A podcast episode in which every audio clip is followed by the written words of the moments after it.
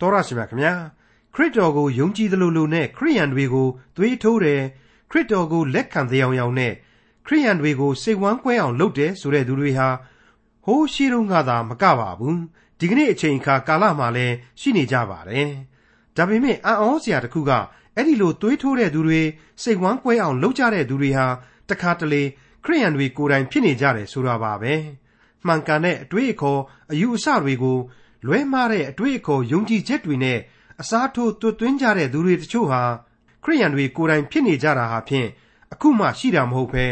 ဟိုးတုန်းကတည်းကရှိနေခဲ့ကြတာကြောင့်သတိထားစရာဖြစ်တဲ့ခရိယန်တမန်ကျမ်းဓမ္မသစ်ကျမ်းပိုင်းတွေကဂလာတိဩဝါဒစာအခန်းကြီး2အခန်းငယ်1ကနေအခန်းငယ်30အထိကို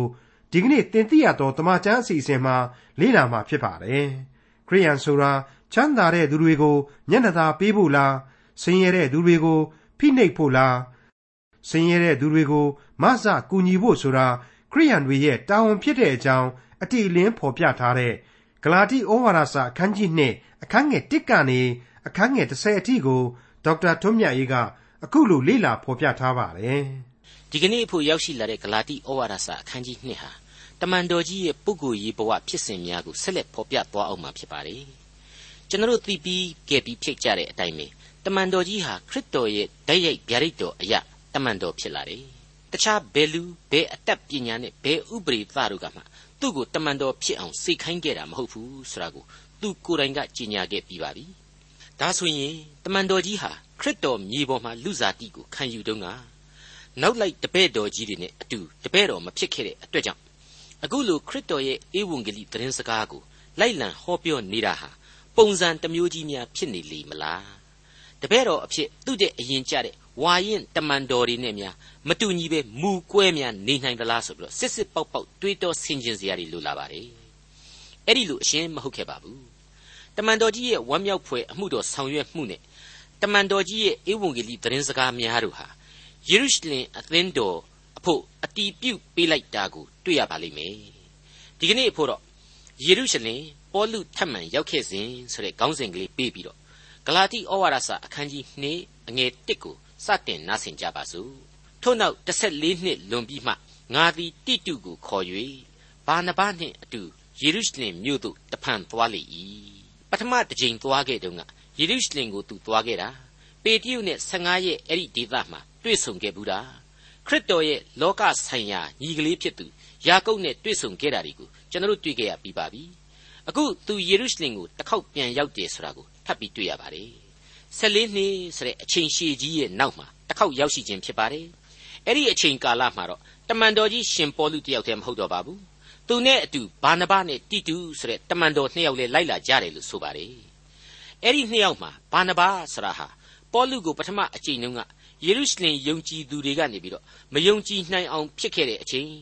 တန်တရားများစွာနဲ့လက်မခံဝန်ခဲ့တဲ့အချိန်မှာ ဝင်ပြီးတော့ယုံကြည်အောင်တက်သေးခံပေးခဲ့တယ်ဆိုတာကိုကျွန်တော်တို့မေးလို့မရပါဘူးအရေးကြီးတဲ့သမိုင်းဝင်ပုဂ္ဂိုလ်ကြီးတယောက်ပေါ့ပြီးတော့မှတိတူဆိုတဲ့နောက်တမန်တော်တပါဒီပုဂ္ဂိုလ်မှာသီးသန့်စဉ်းစားစရာပြဿနာတွေပေါ်လာပြီအဲ့ဒီတိတုဆိုတဲ့တမန်တော်နဲ့ပတ်သက်လို့ပြဿနာဆိုလို့မကောင်းတဲ့ပြဿနာတော့အရှင်းမဟုတ်ပါဘူးခရိယန်ယုံကြည်သူတို့ရဲ့ကျင့်စဉ်များအယူအဆရေးရများအတွက်အခြေခံမူကြီးတစ်ခုချမှတ်ရမှာအလွန်အရေးကြီးတဲ့ပြဿနာဖြစ်တယ် ဒီပြဿနာရဲ့ဗဟုမှာတိတုရှိခဲ့တယ်တိတုကိုယေရုရှလင်မြို့တော်စီအထိခေါ်ဆောင်လာသူတမန်တော်ကြီးရှင်ပေါလုအတွေ့ဒီလိုတိတုကိုခေါ်လာတာဟာဖြင့်အလွန်ကြီးမားတဲ့စွန့်စားကမ်းကြီးတစ်ခုကိုပြုလုပ်လိုက်ခြင်းပဲဖြစ်တယ်လို့ကျွန်တော်တို့ဆိုရပါလိမ့်မယ်ဒါအပြင်သမိုင်းဝင်အပြောင်းအလဲကြီးဖြစ်စေဖို့ဘုရားသခင်ကိုတော်တိုင်ဟာတိတုကိုစေလွတ်လိုက်ခြင်းဖြစ်တယ်လို့လည်းကျွန်တော်တို့တစ်ဖက်ကလှည့်ပြီးတော့ခံယူရနိုင်ပါလိမ့်မယ်ဟုတ်ပါတယ်မိတ်ဆွေတို့ခင်ဗျာတိတုဟာ တပားအမျိုးသားလုံးလုံးဖြစ်တယ်ယူရလုံးဝမဟုတ်ဘူးဂျူးလုံးဝမဟုတ်ဘူးလူငယ်ဓမ္မဆရာတယောက်လည်းဖြစ်တယ်အဲ့ဒီလိုဂျူးအရှင်းမဟုတ်တဲ့တပားအမျိုးသားအမှုတော်ဆောင်တယောက်ဒီအရက်ကိုပေါလုနဲ့အတူရောက်ရှိလာချိန်မှာသမိုင်းအတွက်အေယာမအပြောင်းအလဲကြီးဖြစ်ဖို့မဖြစ်မနေကြုံလာရပြီအဲ့ဒီအချိန်ဟာဆိုရင်တမန်တော်ဝတ္ထုအခန်းကြီး15နဲ့ဆက်ဆက်နေပါတယ်ယေရုရှလင်မြို့တော်မှာယုံကြည်သူခရိယန်အသင်းတော်ခေါင်းဆောင်တို့ရဲ့ ပထမအကြိမ်ညီလာခံကြီးသဖွယ်ညှိနှိုင်းဆွေးနွေးပွဲကြီးတစ်ခုဖြစ်လာခဲ့တယ်လို့ကျွန်တော်ဆိုချင်ပါတယ်တမန်တော်ဝတ္ထုအခန်းကြီး15အငယ်1ကနေ4ကိုပြန်ပြီးတော့ကြည့်ကြပါစို့ယူရပြည်မှအန်တီအုတ်မြို့သို့ရောက်လာသောသူအချို့တို့ကသင်တို့သည်မောရှေ၏တရားအတိုင်းအယေပြားလှီးခြင်းကိုမခံလျင်ကဲတင်တော်မူခြင်းသို့မရောက်နိုင်ဟုညီအကိုတို့အားဆုံးမဩဝါဒပေးကြ၏ထိုသူတို့နှင့်ပေါလုဘာနဘတို့သည်ဆွေးနွေးညှင်းခုန်ခြင်းများသောအခါ ပေါလုနှင့်ဘာနဘတို့သည် အခြားသောတပည့်တော်အချို့တို့နှင့်တကွ ထိုပြဿနာ၏အကြောင်းကြောင့် ယေရုရှလင်မြို့၌ရှိသော တမန်တော်တို့နှင့် သင်းအုပ်တို့ထံသို့ သွားရမည်အကြောင်းကို စီရင်ကြ၏အသင်းတော်သည် လမ်း၌ပို့သဖြင့် ပေါလုနှင့်ဗာနဗသည် ဖိနိတ်ပြည်နှင့် ရှမာရိပြည်ကို ရှောက်သွား၍တပားမျိုးသားတို့ ပြောင်းလဲခြင်းအကြောင်းအရာကို ကြားပြောသဖြင့် ညီအကိုပေါင်းအပေါင်းတို့သည် အလွန်ဝမ်းမြောက်စေကြ၏ယေရုရှလင်မြို့သို့ရောက်လျင် တမန်တော်တို့နှင့် သင်းအုပ်တို့မှစ၍သင်းဝင်သူများတို့တွင် လက်ခံခြင်းကျေးဇူးကိုခံ၍မိမိတို့အားဖြင့်ဘုရားသခင်ပြုတော်မူသမျှတို့ကိုပြန်ကြားကြ၏အဲ့ဒါဟာယေရုရှလင်စီဝေးပွဲကြီးအကြောင်းအမည်သဘောမျိုးပြန်ပြီးအမှတ်အမှတ်ရနိုင်ကြဖို့အတွက်ကျွန်တော်ဖော်ပြလိုက်တာပါပဲဒီတော့တိတုဆိုတဲ့တပားအမျိုးသားဓမ္မဆရာဂျူးမဟုတ်တဲ့တပားအမျိုးသားဖြစ်တဲ့အတိုင်းပဲဂျူးထုံးစံဖြစ်တဲ့အရေးပြားလှီးခြင်းမင်္ဂလာကိုသူမခံမယူဘူးအဲ့ဒီအချိန်မှာဂျူးဝါဒီတွေတဲကသာ ခရိယန်တွေအဖြစ်အများဆုံးပြောင်းလဲနေကြတာဆိုတော့ဂျူးရှေးထုံးအစဉ်အလာတွေဟာခရစ်တော်ရဲ့အသစ်သောကယ်တင်ရှင်တရားရဲ့အစအဦးမှာလွှမ်းမိုးနေခဲ့တယ်။ဒါကြောင့်မလို့တိတုကိုအကြောင်းပြုပြီးတော့ယေရုရှလင်မှာအကျိတ်အနယ်ဆွေးနွေးစရာအကြောင်းတွေပေါ်လာပါလေ။လူသားဟာမောရှိခေပြည့်ညတ်တော်ဥပဒေသားများနဲ့သာကယ်တင်ရှင်တရားကိုခံစားကြရမှာလား။တော်ရီမဟုတ်လူသားတို့ဟာခရစ်တော်ရဲ့ကျေးဇူးတော်နဲ့ကယ်တင်ရှင်တရားကိုခံယူကြရမှာလား။အဲ့ဒီတူပြိုင်မေးခွန်းများပေါ်ထွန်းလာခြင်းပါပဲ။ ယေရုရှလင်ဆိုတာဟာဂျူးတို့ရဲ့မြို့တော်ကြီးဖြစ်တယ်။ခရစ်တော်ရဲ့ဧဝံဂေလိတရားဟာလေအဲ့ဒီဆက်ဝန်းထဲမှာပဲအခြေပြုထွန်းကားခဲ့တယ်ဆိုတာမငြင်းနိုင်ပါဘူးဒီတော့ယေရုရှလင်ဟာခရစ်တော်ကိုယုံကြည်သူတို့ရဲ့အဲ့ဒီအချိန်ကာလဗဟုချက်မှလို့ဆိုနိုင်ပါတယ်ယုံကြည်သူတွေဟာလည်းအဓိကအားဖြင့်ဂျူးရှေးရိုးဆွဲဝါဒီတွေတဲကနေပြီးမှပြောင်းလဲလာတယ်ဆိုရင်မမှားနိုင်ပါဘူးအဲ့ဒီအခါမှာခရစ်တော်ကိုလက်ခံပေးမယ်ရှေးကဘိုးစဉ်ပေါင်ဆက်ကျင့်သုံးလာတဲ့မောရှိခေပြည့်ညတ်တော်တွေကိုသာ သူတို့ပို့ပြီးတော့အသေးဆွဲနေကြတယ်အဲ့ဒီသဘာဝကျတဲ့အခြေခံအချက်တွေကိုကျွန်တော်တို့ရှင်းရှင်းပဲဒီနေရာမှာတွေးတောမယ်ဆိုရင်အတိတ်ပဲပေါ်နိုင်လောက်ပါတယ်။ဒါအပြင်အဲ့ဒီအချိန်ကာလဂျူးခရစ်ယာန်တွေအဖို့အသင်းတော်အဆောက်အုံဟာလေသီးသန့်တိဆောက်နိုင်ခြင်းမရှိသေးပါဘူး။ဒါတော့သူတို့ဟာသူတို့ရဲ့ယူရတရားစရက်တွေထဲမှာပဲစုဝေးကြတိုင်ပင်ကြလိမ့်မယ်။ဥပုပ်နေများမှာလေအဲ့ဒီယူရတရားစရက်တွေမှာပဲဘုရားသခင်ကိုဝတ်ပြုကိုးကွယ်ကြလိမ့်မယ်။ခရစ်တော်ကိုကိုးကွယ်ရင်းနဲ့ မောရှိပြည့်ညတ်တွေအတိုင်းဒီစရက်ဒီအစဉ်အလားဒီအတိုင်းဝိုင်းနဲ့စီလျော်တဲ့ဘိုးဘေးတို့ရဲ့ထုံးစံတွေကြားထဲမှာဘိုးဘေးတို့ရဲ့ထုံးစံကိုလိုက်နာရမယ်ဆိုတဲ့အသိစိတ်တွေဟာပိုကဲနေကြလိမ့်မယ်ဆိုတာမြေကြီးလက်ခံမလွဲပဲဖြစ်ပါတယ်။ဒါတွေဟာဂလာတိဩဝါဒစာကိုဆက်လက်လေ့လာရမှာမှတ်ကျုံထားတဲ့ယေရုရှလင်ကမြင်ကွင်းကြောတော့နောက်ခံသမိုင်းတွေလို့ကျွန်တော်ဆိုချင်ပါတယ်။နောက်ခံကြောယူအဖြစ်တွေလို့ကျွန်တော်ဆိုချင်ပါတယ်။အခုဂလာတိဩဝါဒစာအခန်းကြီး2အငယ်1ကိုဆက်လက်လေ့လာကြပါစို့။ ဗျာဒိတ်တော်အတိုင်းပင်သွားသည်ဖြစ်၍တပါးအမျိုးသားတို့၌ဟောပြောသောဧဝံဂေလိတရားကိုထိုအခါငါကြားပြောလေ၏ထိုသို့ဆိုသောငါဆောင်ရွက်ခဲ့ပြီးသောအမှုနှင့်နောက်၌ဆောင်ရွက်လက်တံသောအမှုကိုအချီးနှီးမဖြစ်စေခြင်းဟာအသရေထင်ရှားသောသူတို့အားသာတိတ်ဆိတ်စွာကြားပြောလေ၏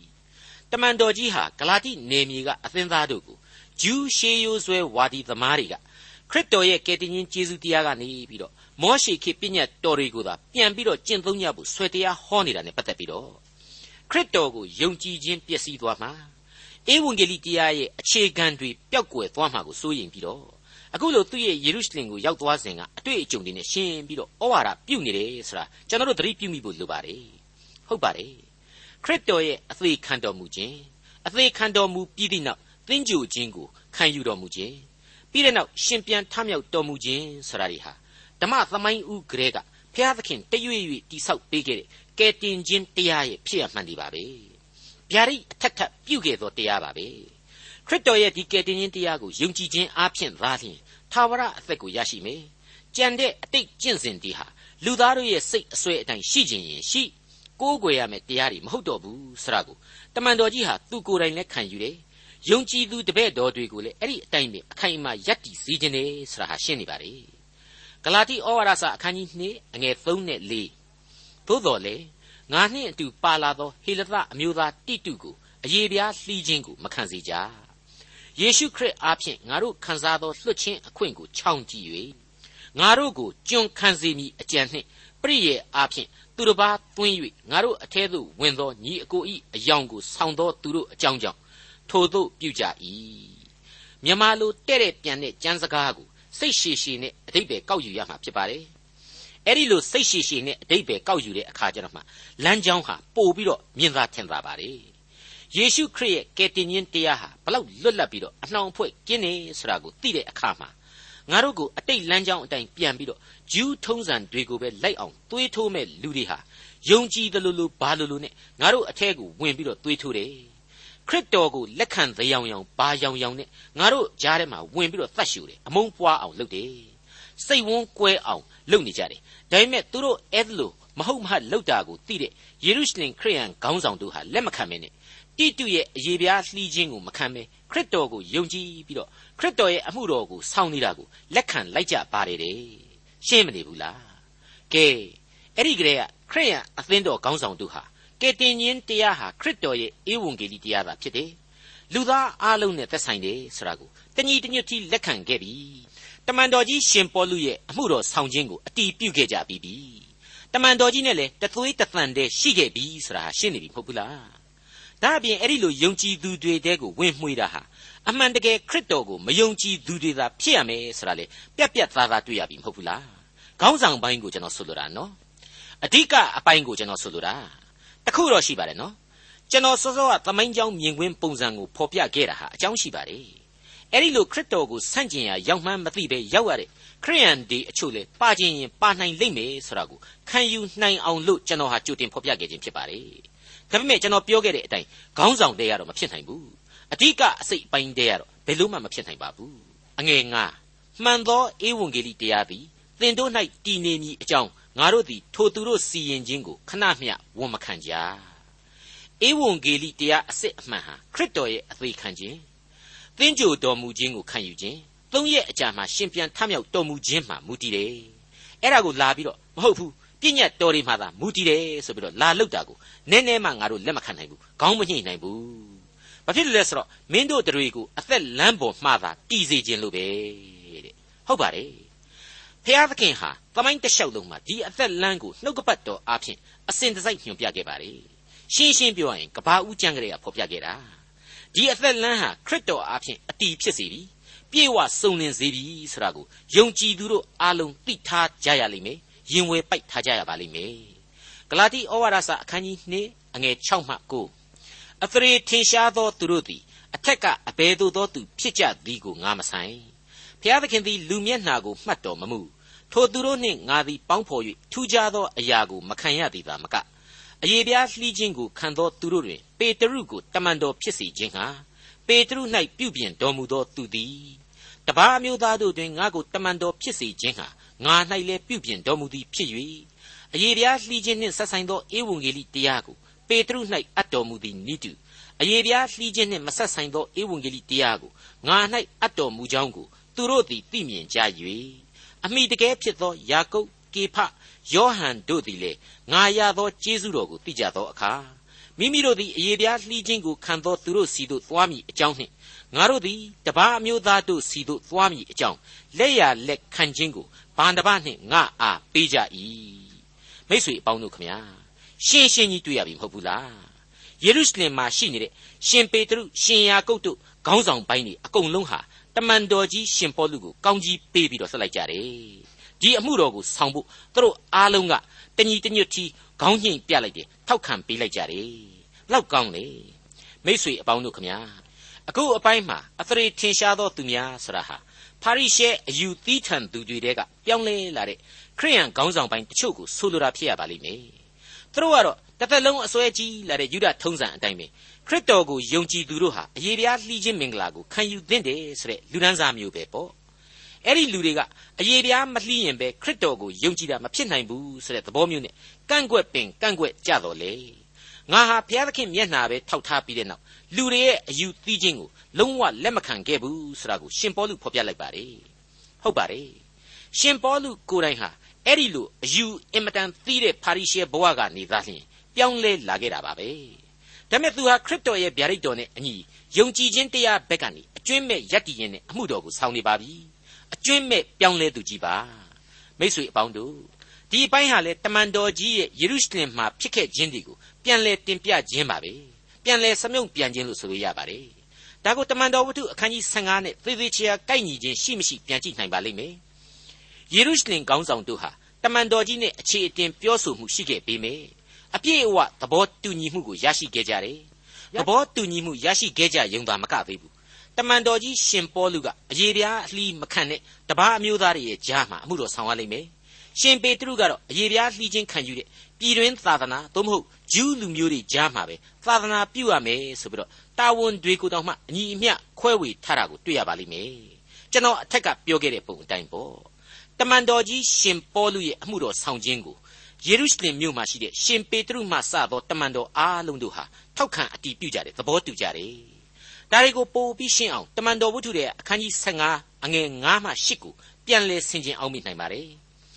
ဖာရိရှဲတဲ့ကယုံကြည်သောသူအချို့တို့သည်ထလျက်တပားမျိုးသားတို့အားအယေပြားလှီးခြင်းကိုပေးရမည်မောရှေ၏တရားကိုကျင့်စေခြင်းဟာဆုံးမရမည်ဟုဆိုကြ၏ထိုအခါတမန်တော်တို့နှင့်သင်းအုပ်တို့သည်ထိုအမှုကိုကြည့်ရှုဆင်ခြင်ခြင်းဟာစီဝေးကြ၏ များစွာသောဆွေးနွေးညှင်းခုန်ခြင်းရှိသောအခါပေတရုသည်ထလျက်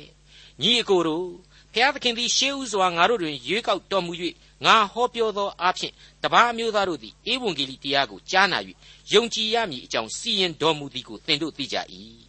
စိတ်နှလုံးကိုသိတော်မူသောဖျားသခင်သည်တန်ရှင်းသောဝိညာဉ်တော်ကိုငါတို့အားပေးသည်နိတုသူတို့အားပေးသဖြင့်သူတို့ဘက်၌တက်သည်ခံတော်မူ၏ရှင်းနေပါတယ်နော် တမန်တော်ကြီးရှင်ပေတရုဟာပေါလုနဲ့တသွေးတသံတည်းပဲအဲ့ဒီလိုတွေ့ရပြီးတဲ့နောက်အဲ့ဒီကျမ်းကိုဆက်ဖတ်လို့ရှိရင်ယုံကြည်ခြင်းသာလျှင်အဓိကဆိုတာကိုအားလုံးဟာတူပြိုင်လက်ခံကြတယ်တမန်တော်ကြီးရဲ့တင်ပြချက်ကိုကယ်တင်ရှင်သခင်ယေရှုရဲ့လောကဆိုင်ရာညီတော်သူရှင်ယာကုတ်ကိုယ်တိုင်ကထောက်ခံဆွေးနွေးတယ်နောက်ပိုင်းမှာသူတို့အားလုံးတို့ဟာတမန်တော်ကြီးရှင်ပေါလုနဲ့အပြည့်အဝသဘောတူညီခဲ့ကြတယ်ဆိုတာဒီကိုကျွန်တော်တို့တွေ့ရမှာဖြစ်ပါတယ်အထူးသဖြင့်တမန်တော်ဝတ္ထုအခန်းကြီး15 အငယ်22ကနေ29အတွင်မှာကြည်ပါထိုအခါတမန်တော်တို့နှင့်သင်းအုပ်တို့မှစ၍သင်းဝင်သူအပေါင်းတို့သည်မိမိတို့အထက်၌ရွေးကောက်၍ညီအကိုတို့တွင်ထင်ရှားသောသူသည်ဟုသောဘာရှဘအမည်သစ်ကိုရသောယုဒနှင့်သိလတို့ကို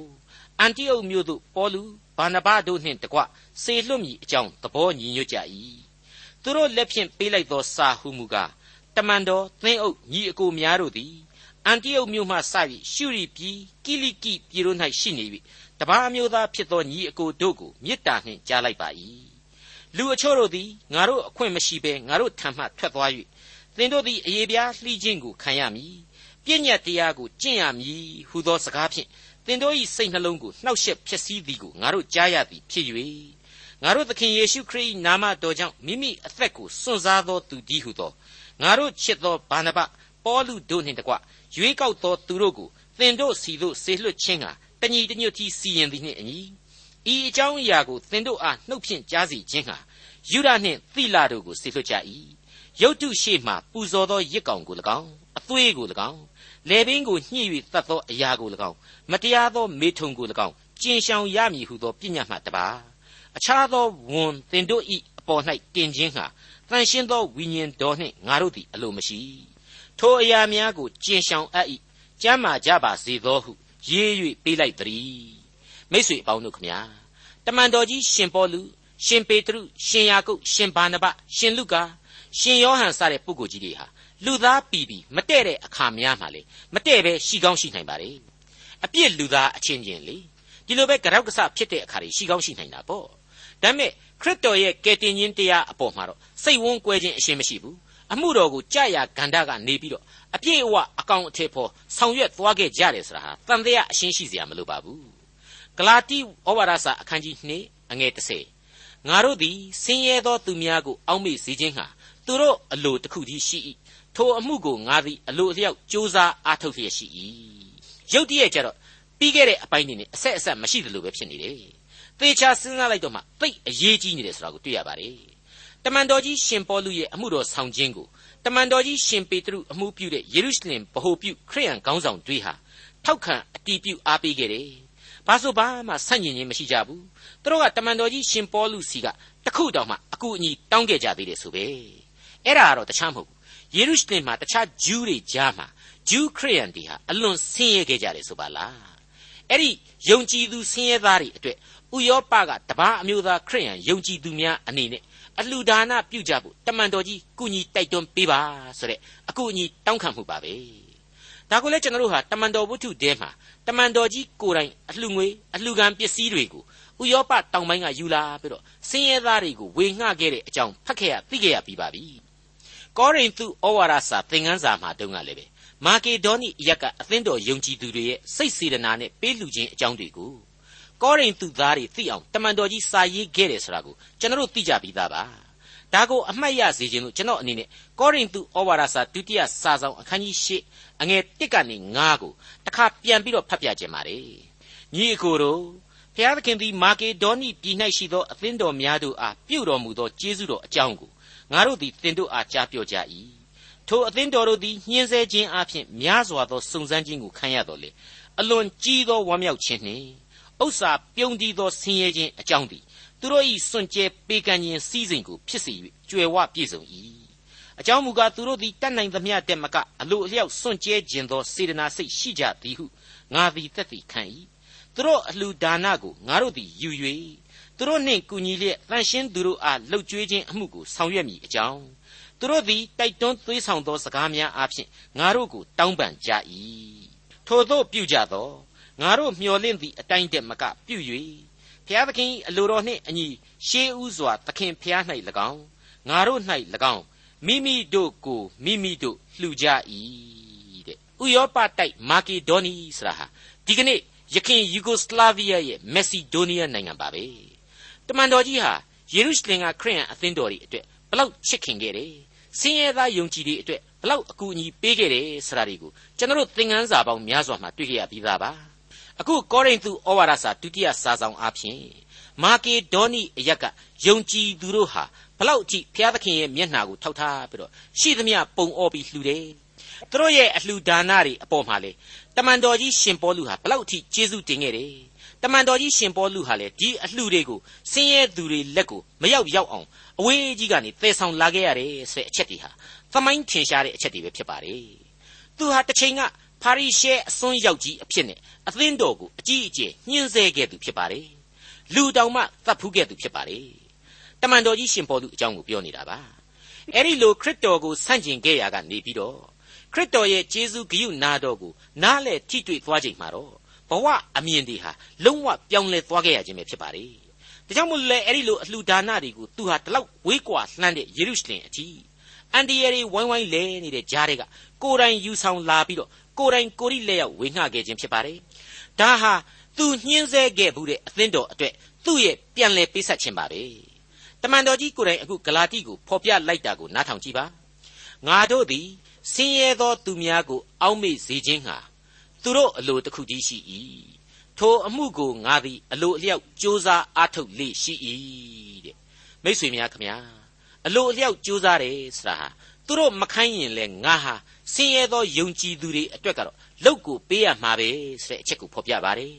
အလွန်သင်ခန်းစာယူလိုက်သောစကားသံဖြစ်ပါတယ်ကျွန်တော်ခရိယန်တွေအားလုံးဟာလေအဲ့ဒီအတိုင်းပဲဘသူကခိုင်ခိုင်မခိုင်ခိုင်ဘုရားသခင်ရဲ့မျက်နှာတော်ကိုထောက်ထားပြီးတော့မေတ္တာတော်အလင်းကိုပတ်ဝန်းကျင်အလဲမှာထင်ရှားရမှာဖြစ်ပါတယ်မေတ္တာတရားကိုဝေမျှရမှာဖြစ်ပါတယ်ဒီနေရာမှာရှင်ယာကုပ်ဩဝါဒစာအခန်းကြီး2 အငယ်15ကနေ18အတွင်းမှာပါတဲ့အဆုံးအမတစ်ခုကိုလေကျွန်တော်မမေ့တိုက်ပါဘူးညီအကိုနှမတို့သည်အဝတ်အချီးစီးရှိ၍နေ့တိုင်းစားရသောအစာမရှိသောအခါသင်တို့တွင်တစုံတစ်ယောက်သောသူကငြိမ်ဝတ်စွာသွားကြလော့နှွေးကြလော့ဝကြလော့ဟုပြောလျက်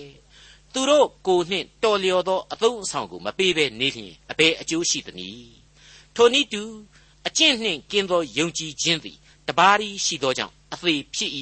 ဆိုပြီးတော့ရှင်ယာကုပ်ဖော်ပြထားပါတယ်ဒီအချက်အတိုင်းမတိမ်မဆောင်ဘူးလို့ဆိုရလောက်အောင်တမန်တော်ကြီးရှင်ပေါလုဟာသူကိုယ်တိုင်သူများကိုမဆဖို့အမြဲအားထုတ်ကြိုးပမ်းခဲ့တယ်ဆိုတာကိုအခုဂလာတိဩဝါဒစာမှာသမိုင်းသက်သေအဖြစ်ထင်ရှားစွာတွေ့ရပါပြီမိษွေအပေါင်းတို့ခမညာတမန်တော်ကြီးဟာခရစ်တော်ရဲ့ယုံကြည်ခြင်းတရားကိုဘဝနဲ့ပုံပြီးတော့ကိုးကွယ်သူကျင့်ဆောင်သူဖြစ်ခဲ့ပါတယ် ကျွန်တော်မိษွေတို့အနေနဲ့သူလိုလူတစ်ယောက်ရဲ့ပုဂ္ဂိုလ်ရေးဘဝအဖြစ်မှန်တွေအားဖြင့်လက်တွေ့သက်သေများကိုခံယူပြီးတော့ဒီယုံကြည်ခြင်းတရားကိုစောင့်ရှောက်ထိုက်လာပါတယ်ဘသူအဖို့မှမဟုတ်ပါဘူးကိုယ့်ရဲ့ဝိညာဉ်အသက်တာရှင်သန်ဖို့ရပဲဖြစ်ပါတယ်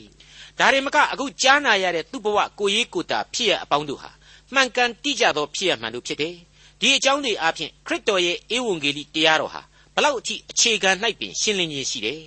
အပြစ်သားလူသားတို့ရဲ့ဘဝအခြေအနေများနဲ့ညီညွတ်ခြင်းရှိတယ်။တမိုင်းသက်သေများပြီးပြည့်စုံတယ်ဆိုတာတွေ့ကိုကျွန်တော်နားလည်ခဲ့ရပါပြီ။ဒါတွေကိုအခုလိုဖော်ပြရင်းနဲ့ဂလာတိဩဝါဒစာအားဖြင့်ဂလာတိအရက်ကယုံကြည်ခြင်းရင်းရိုင်သူတို့ကိုဆုံးမနေသလိုကျွန်တော်ကိုလည်းဒီကနေ့ဆုံးမသွန်သင်လျက်ရှိနေတယ်လို့ကျွန်တော်ခံယူမိပါတယ်။ဟုတ်ပါတယ်။နှုတ်ကပတ်တော်ရဲ့တမိုင်းဖြစ်ရသည်